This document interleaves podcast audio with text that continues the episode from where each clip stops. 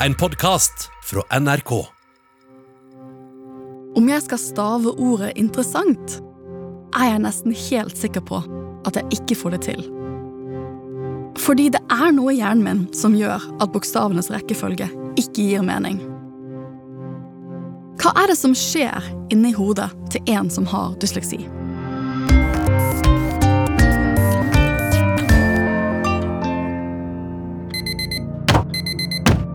Nå hører du meg stå opp. I dag skal jeg møte en person som ikke klarer å skrive det hjernen tenker. Akkurat som meg. Og du skal få vite hvor slitsomt og fint det kan være. Jeg er Sofie Høgestøl, jusforsker ved Universitetet i Oslo og var NRKs USA-kommentator under presidentvalget i 2020. Men det er ikke juss eller USA jeg har lyst til å snakke om nå. Jeg vil snakke om at jeg har dysleksi. Fordi mellom 5 til 10% av Norges befolkning sliter med å skrive det de har i tankene. Derfor mener jeg dette burde vært pensum.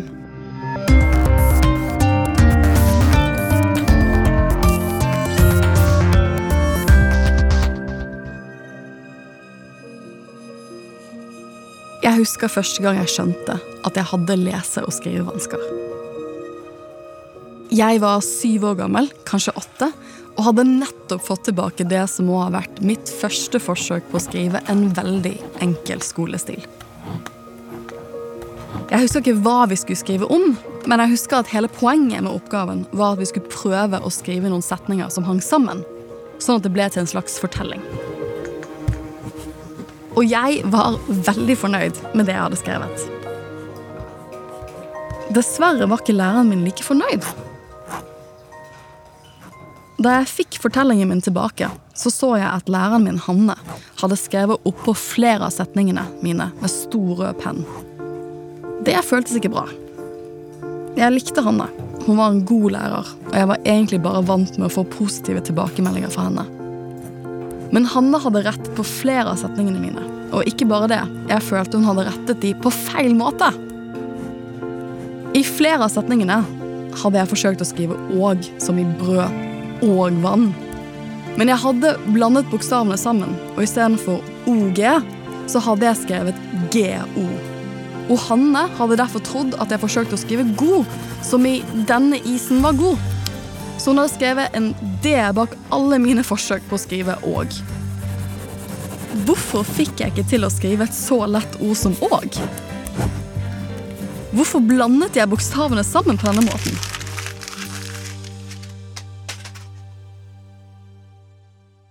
Staver nesten alltid, alltid feil. Jeg husker ikke om det er én eller to l-er i det ordet. Jeg blir usikker på om det er én eller to m-er i samboer. Husker ikke om det er én eller to k-er i nok. Staver av og til ord så feil at til og med ikke staveprogrammet i Word skjønner hva jeg mener. Og jeg sliter med å se at jeg har skrevet feil. Jeg sendte en gang en viktig jobb-e-post som jeg hadde lest over flere ganger, uten at jeg så at jeg hadde skrevet 'med vemmelig hilsen' istedenfor 'vennlig hilsen'. Da fikk jeg litt lyst til å dø.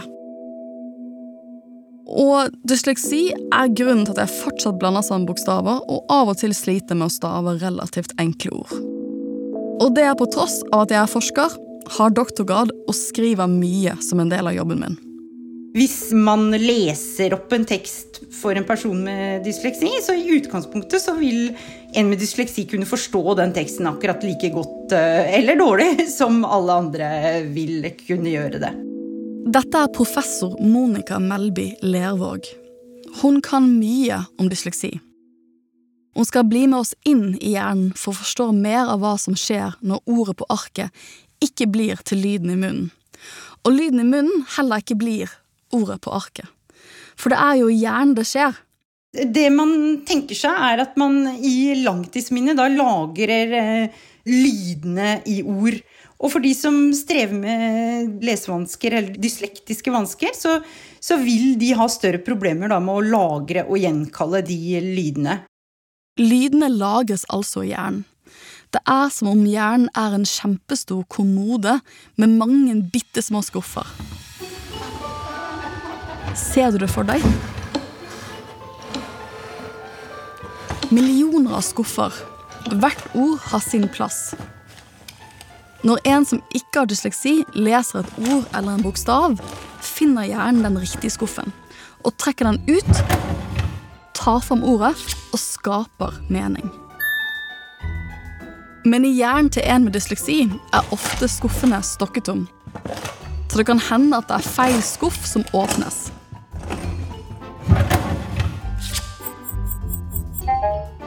Noen har få skuffer på feil plass, mens andre har veldig mange. Og jo flere skuffer som har byttet plass, jo vanskeligere blir det å skrive og lese. For teksten vil ikke gi mening. Og det er flere veldig interessante ting med dysleksi. Vi kan starte med en liten quiz, for hvor mange i Norge, i tillegg til meg, har dysleksi? Jeg har allerede nevnt det. Husker du? Studier fra Norge peker på at så mange som én av ti av oss har dysleksi. Svarte du riktig? Med så mange som én av ti av oss, altså potensielt over en halv million mennesker, er dysleksi den mest vanlige formen for læringsvanske. Det betyr at du statistisk burde kjenne en person som har dysleksi, eller kanskje er du en selv, sånn som meg. Og om du ikke kjenner noen personlig, er det så mange kjendiser og politikere som har dysleksi, at det nærmest har blitt trendy. Skuespilleren Jennifer Aniston har dysleksi.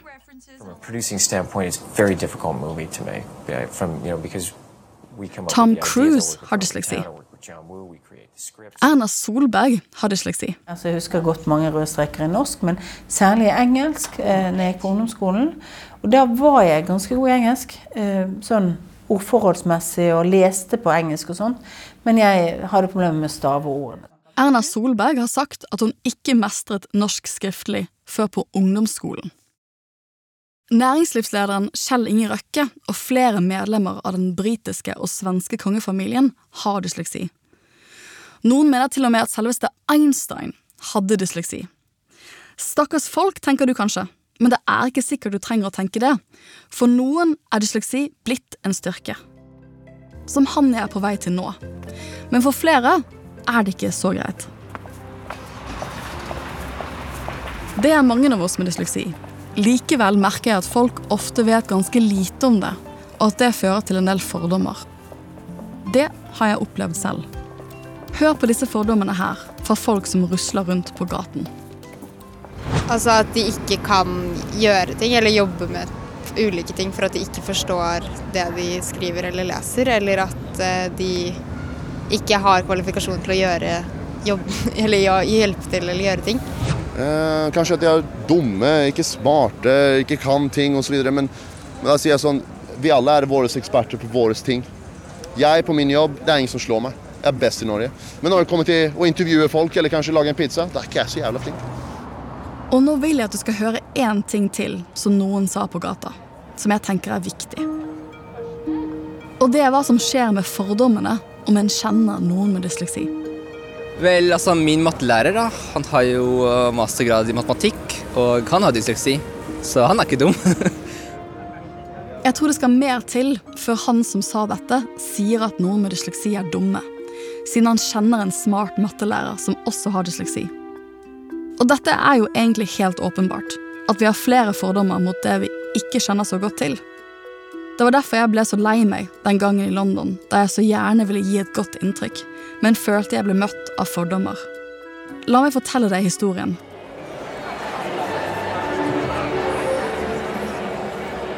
Det som skjedde, var at jeg studerte i London, og jeg hadde jobbet hardt, skikkelig hardt, for å komme inn på et universitet som heter London School of Economics. Det var viktig for meg å vise at jeg dugde. Jeg ville vise at jeg var en god student. Da passet det bra at vi skulle ha en liten fest for studentene, der også professorene på kullet mitt skulle være. Endelig fikk vi muligheten til å mingle med professorene. Som student så er det ikke så ofte at man får muligheten til å mingle med professorene sine utenfor forelesningssalen. Og jeg husker at jeg prøvde så hardt på denne festen og virke kul og intelligent for å imponere professorene våre. En gjeng med oss studenter står og prater med en av disse professorene. Samtalen flyter, og vi prater om ting jeg syns er spennende. Men så på en eller annen måte så glir samtalen over til å handle om dysleksi. Og da sier professoren, på perfekt britisk, som nesten gjorde det enda verre, for da hørtes det så pent ut samtidig som han såret meg. Han sier at dysleksi bare var en politisk korrekt måte å si at noen var uintelligente på. At det liksom var en diagnose som folk hadde funnet på for å tilfredsstille middelklasseforeldre som ikke ville innrømme at barna deres ikke var skoleflinke. Jeg følte meg så liten.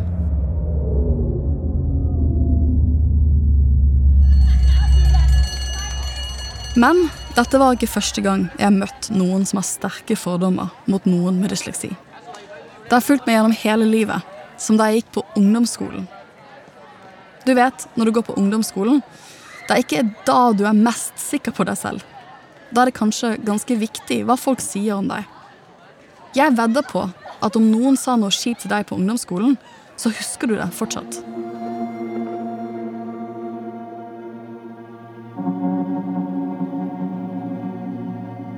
Da jeg skulle få karriere og studierådgivning på ungdomsskolen, hadde jeg en lærer som sa rett ut at hun ikke trodde at jeg ville få gode nok karakterer til å studere i London.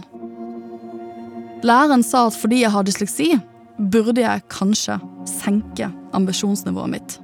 Og jeg ble rasende.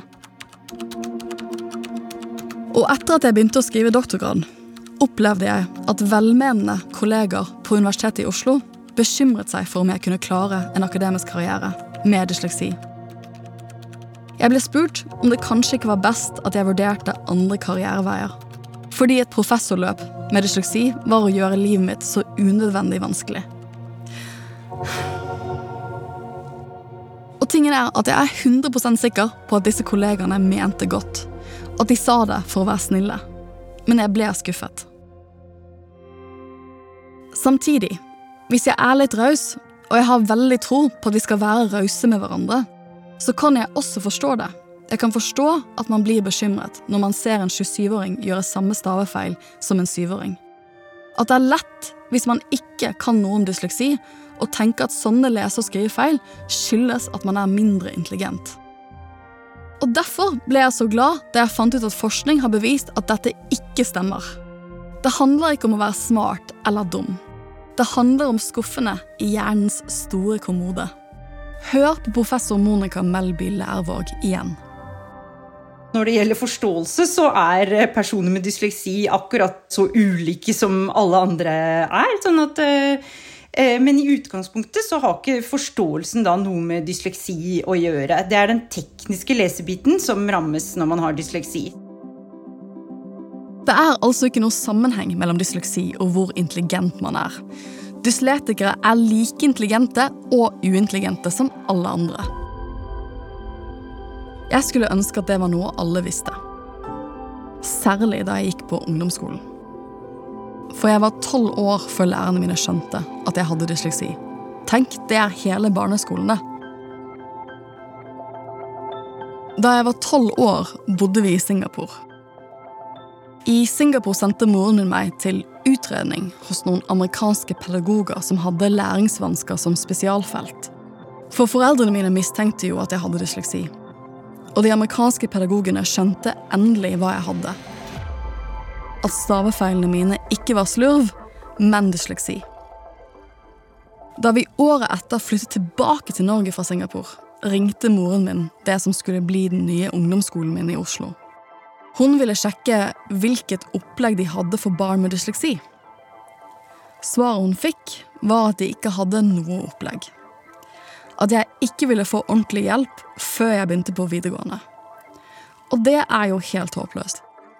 All kunnskap om dysleksi peker jo på hvor viktig det er å få tidlig hjelp på skolen.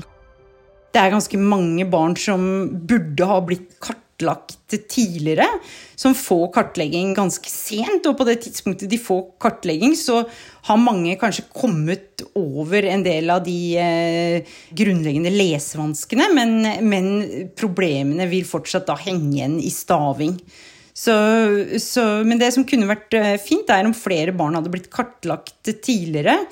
Ikke nødvendigvis for å få diagnosen dysleksi, men i hvert fall da for å få ekstra hjelp og oppfølging på skolen, sånn at de ikke eh, ville fått en sånn historie av nederlag som mange da opplever i første, andre, tredje klasse.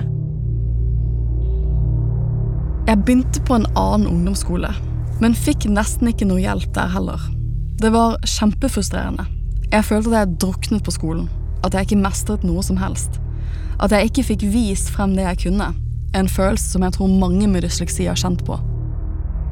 Jeg skrev dårlig, stavet mye feil og hadde problemer med å oversette tankene i hodet mitt til skriftlig form.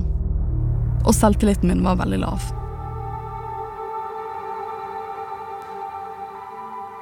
Jeg ble utredet for dysleksi nok en gang mot slutten av ungdomsskolen.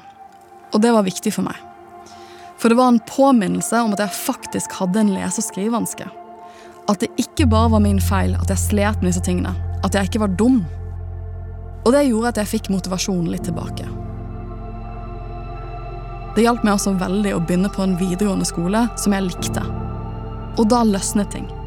Jeg begynte å jobbe skikkelig hardt på skolen for å få de karakterene jeg trengte for å studere i London. Og det gikk akkurat på hengende året. Men det jeg ikke lærte i London, var hvorfor noen av oss får dysleksi. Det har jeg funnet ut av nå. Det handler nemlig om gener. Hør på professor Monica Melbyr Lervåg. Det vi vet, er at dysleksi i stor grad er arvelig. Hvis en av foreldrene dine har dysleksi, så er det 50% sjanse for at barnet får dysleksi. Og vi vet altså at det med dysleksi er knytta til flere ulike gener. Og det som da skjer, er at genene bestemmer i hjernen, eller er med på å bestemme den nevrologiske utviklingen i hjernen. Og hos de som da har visse typer gener, så vil de på en måte ha da utvikle da uh, problemer knytta til det med, med, med fonologiske ferdigheter.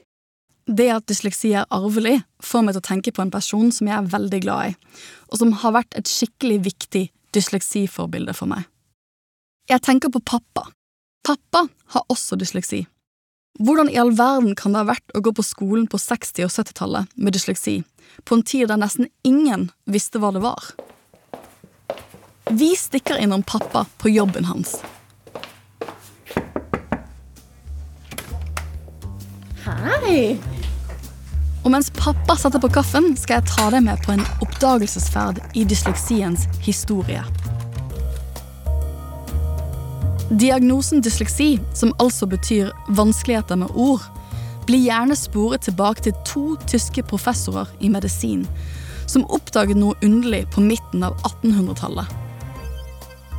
De to tyske professorene hadde nemlig voksne pasienter som ikke hadde synsproblemer, altså problemer med å se. Men likevel slet disse pasientene med å lese. Og legene kunne ikke forklare hvorfor. En av dem, Adolf Kausmal, kalte fenomenet vortblindheit. Eller det å være ordblind. Som om de så alt annet, bare ikke ord. I likhet med de tyske legene var det også leger i Storbritannia som hadde gjort de samme oppdagelsene. En av disse legene var en øyelege som het James Heinshelwood. Og i januar 1900 møtte han en ti år gammel gutt som hadde store problemer med å lese. Grunnen til at Heinshelwood fattet en interesse for akkurat denne gutten, var at gutten ellers ble beskrevet som intelligent, og gjorde det godt i andre fag på skolen. Og i likhet med sine tyske kollegaer kunne ikke Heinchelwood forklare hvorfor denne gutten ikke greide å lese. Det var et mysterium.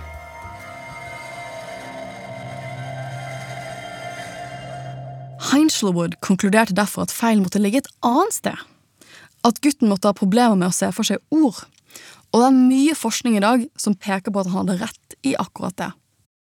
Jeg liker også denne historien til Heinchelwood, fordi min egen historie med dysleksi, som fant sted 96 år senere, er ganske lik denne ti år gamle gutten fra 1900. Innen jeg var ti, stusset også lærerne mine veldig over at jeg ofte skrev ord feil.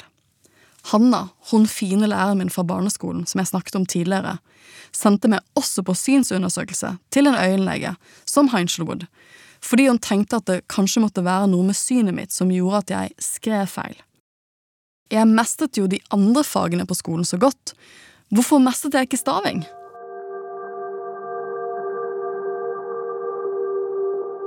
Det er først på 60-tallet at en gjeng med amerikanske forskere kommer opp med begrepet 'learning disabilities', eller læringsvansker på norsk, for å beskrive barn som ikke hadde fysisk funksjonshemming, men som like fullt slet med lesing og skriving.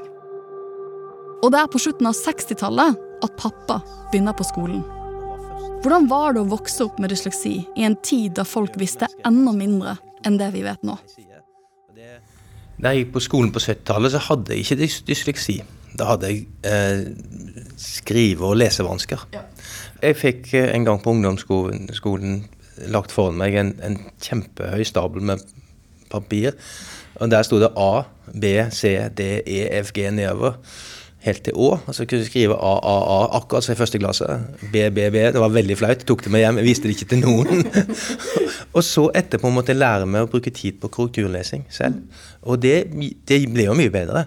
Men jeg eh, kunne aldri skrive en stil rett. Og jeg tror jeg skjulte noe av det her for å skrive stygt også. Jeg hadde ingenting på tappet på at ingen helt skjønte hva som sto, så lenge de forsto hva slags ord som sto der. Jeg måtte aldri lære å korrekturlese med egne tekster på samme måte. Jeg, jeg gjør det via Word, altså via staveprogrammer, så jeg aldri måtte gjøre det på arket alene. Men det måtte du gjøre. Ja, jeg var kjempeheldig, syns jeg, for at jeg begynte å jobbe. Altså etter å ha gått ferdig på Handelshøyskolen og så vært i Tyskland. eh, Da begynte jeg i 1986 å jobbe, og var førstemann som fikk en PC med staveprogram. Og det var en periode hvor ikke det virka på alt, så da dumma jeg meg ut. Jeg skrev f.eks. i et notat som gikk til styret, skrev jeg navnet på sjefen, som tilfeldigvis hadde samme etternavn som selskapet. Det var, hadde ingenting med hverandre å gjøre, men jeg skrev hans navn feil to ganger på ei side. Og Det vakte vel mer sånn amusement enn noe annet. Men det var ingen der som skjønte at jeg faktisk ikke hadde sett det. Jeg trodde det var hastverk, men det var jo ikke det. Det har jeg aldri tenkt på før, men for, det, deg var det en stor endring da, i livet ditt når disse staveprogrammene kom? Når den teknologien kom? Lavpunktet mitt var da jeg skrev navnet mitt feil på en prøve. Det var historieprøve, men det var norsklæreren min som hadde historie, og han var flink i begge deler. Men da ble jeg markert ned, for han kunne ikke gi en fornuftig karakter til en som ikke kunne skrive navnet sitt. Selv om pappa skrev navnet sitt feil på en historieprøve, har han klart seg veldig bra. Men nå skal du endelig møte gründeren som mener at dysleksi er en superkraft.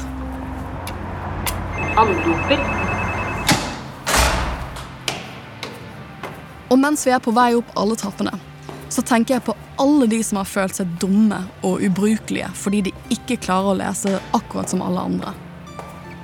Tenk om flere hadde visst mer om dysleksi. Hvordan hadde det vært for meg og de kanskje 500 000 andre i landet vårt som også sliter med det samme?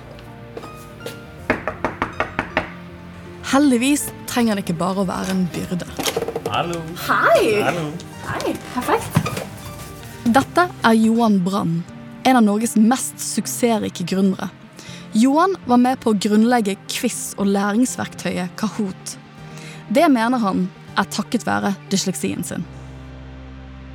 Nå har jeg gått rundt i hele dag og lurt på dysleksi som superkraft. Hva er det?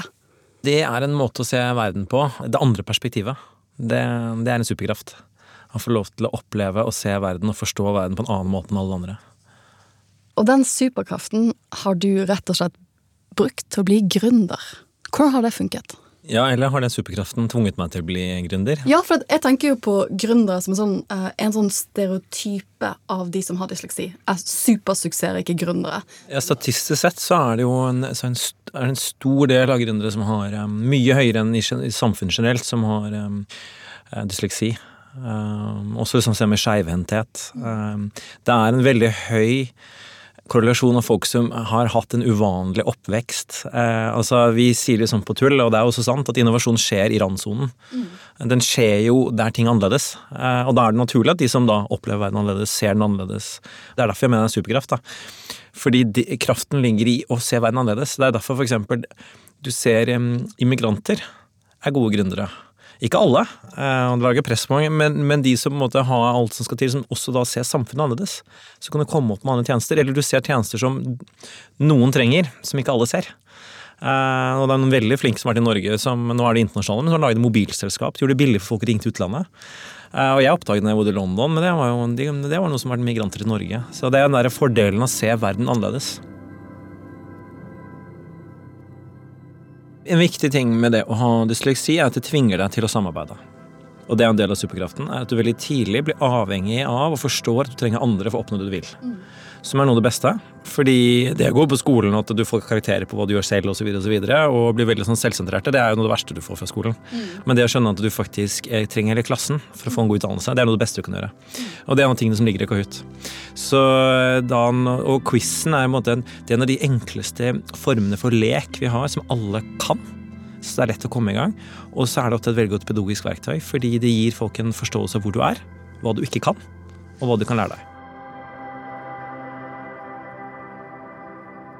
Og nå skal jeg til slutt si noe jeg er stolt av. Selv med dysleksi har jeg fått toppkarakterer i juss. Og jeg forsker på noe jeg syns er helt utrolig spennende, sånn som fremmedkrigere og internasjonal strafferett. Jeg fikk til og med skryt for at doktorgraden min var velskrevet. Og hvordan kan en person med dysleksi få til det? Jeg har rett og slett lært meg en del teknikker for å unngå det jeg ikke er så god på. Hvis jeg skal skrive et ord, og jeg ikke kan skrive det, så må jeg finne et annet ord som sier det samme. Og det jeg da lærte meg, var å få veldig mange ord for å si samme ting. Som å skrive spennende istedenfor interessant. Denne teknikken har hjulpet meg å bli en god muntlig formidler av kunnskap. Et annet triks jeg har, er å bruke den fantastiske teknologien rundt oss. Hvis jeg virkelig ikke klarer å stave ting riktig, så leser jeg inn setningen på PC-en min. Og så gjør PC-en min det om til tekst med riktige ord og riktige bokstaver.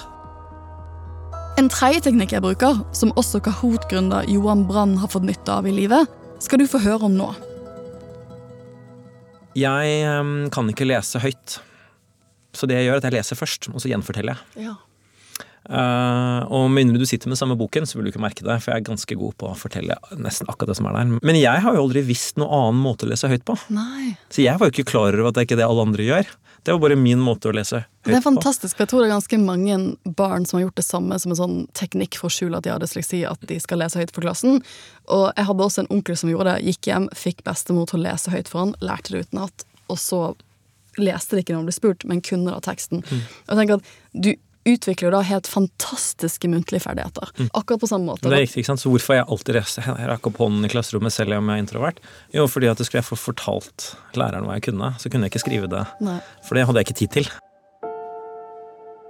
Tenk at det å ha dysleksi kan lære deg så mange andre måter du må prøve å få ting til på. Og det er noe jeg syns er skikkelig kult. Å bruke de teknikkene som Johan Brann og jeg har snakket om nå, har nok gjort at jeg er blitt litt mer motstandsdyktig av å ha dysleksi. Jeg syns ikke det er så ille å ikke mestre ting med en gang. Og kanskje får jeg det ikke til andre gangen jeg prøver heller. Og heller ikke tredje gangen. Men å vite at hvis jeg prøver nok ganger, så kan jeg jobbe meg inn i det jeg skal lære meg, og få det til til slutt, det føles som noe av det viktigste jeg har lært av å ha dysleksi. Om du kjenner en med dysleksi, har det selv, eller har hørt på episoden fordi du er nysgjerrig på hva dysleksi er, håper jeg at du har lært noe du ikke visste fra før. Og om jeg skal oppsummere episoden med tre ting jeg håper du kommer til å huske ekstra godt, så er det 1. At du ikke er dum hvis du har lese- og skrivevansker. Du har bare en hjerne som er skrudd sammen på en litt forskjellig måte. Farligere er det ikke. Og det hadde også vært veldig fint om dere som ikke har dysleksi, kunne behandle dysletikere som om vi er like smarte som alle andre. To. Men for at man skal kunne mestre læringsvansken sin, er det viktig at man får den hjelpen man trenger. Gjerne så tidlig som mulig. Så hvis du tror at du eller et av barna dine, eller kanskje eleven din, har dysleksi, så er det viktig å få det kartlagt og utredet. Det kan du få hjelp til fra skolen eller f.eks. Dysleksi Norge. 3. Ikke gi opp. Det kan være ganske kjipt å slite med dysleksi til tider. Men i dag har vi masse ny kunnskap om dysleksi, og derfor også bedre hjelpemidler. Så ikke gi opp. Med riktig hjelp kan man i dag fungere godt i voksenlivet med dysleksi. Ja, noen kan faktisk komme til å tenke på dysleksi som en superkraft. Har du lyst til å høre andre ting som burde vært pensum? Jeg kan anbefale episoden Oljefondet av økonomikommentator i NRK Cecilie Langum Becker. Burde vært pensum hører du i appen NRK Radio. Burde vært pensum er laget av Lyder Produksjoner for NRK. Produsent Tine Eide. Research Agnes Akre. Lyddesign Sondre Myrhol. Eksekutiv produsent Christian L. Marstrander. Og ansvarlig redaktør fra NRK Jan Egil Odland.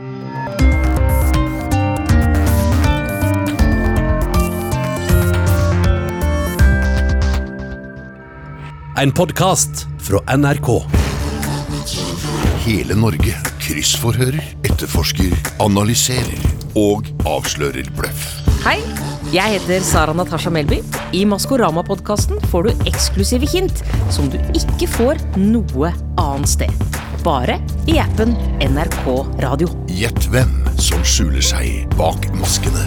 Hør Maskorama-podkasten i appen NRK Radio.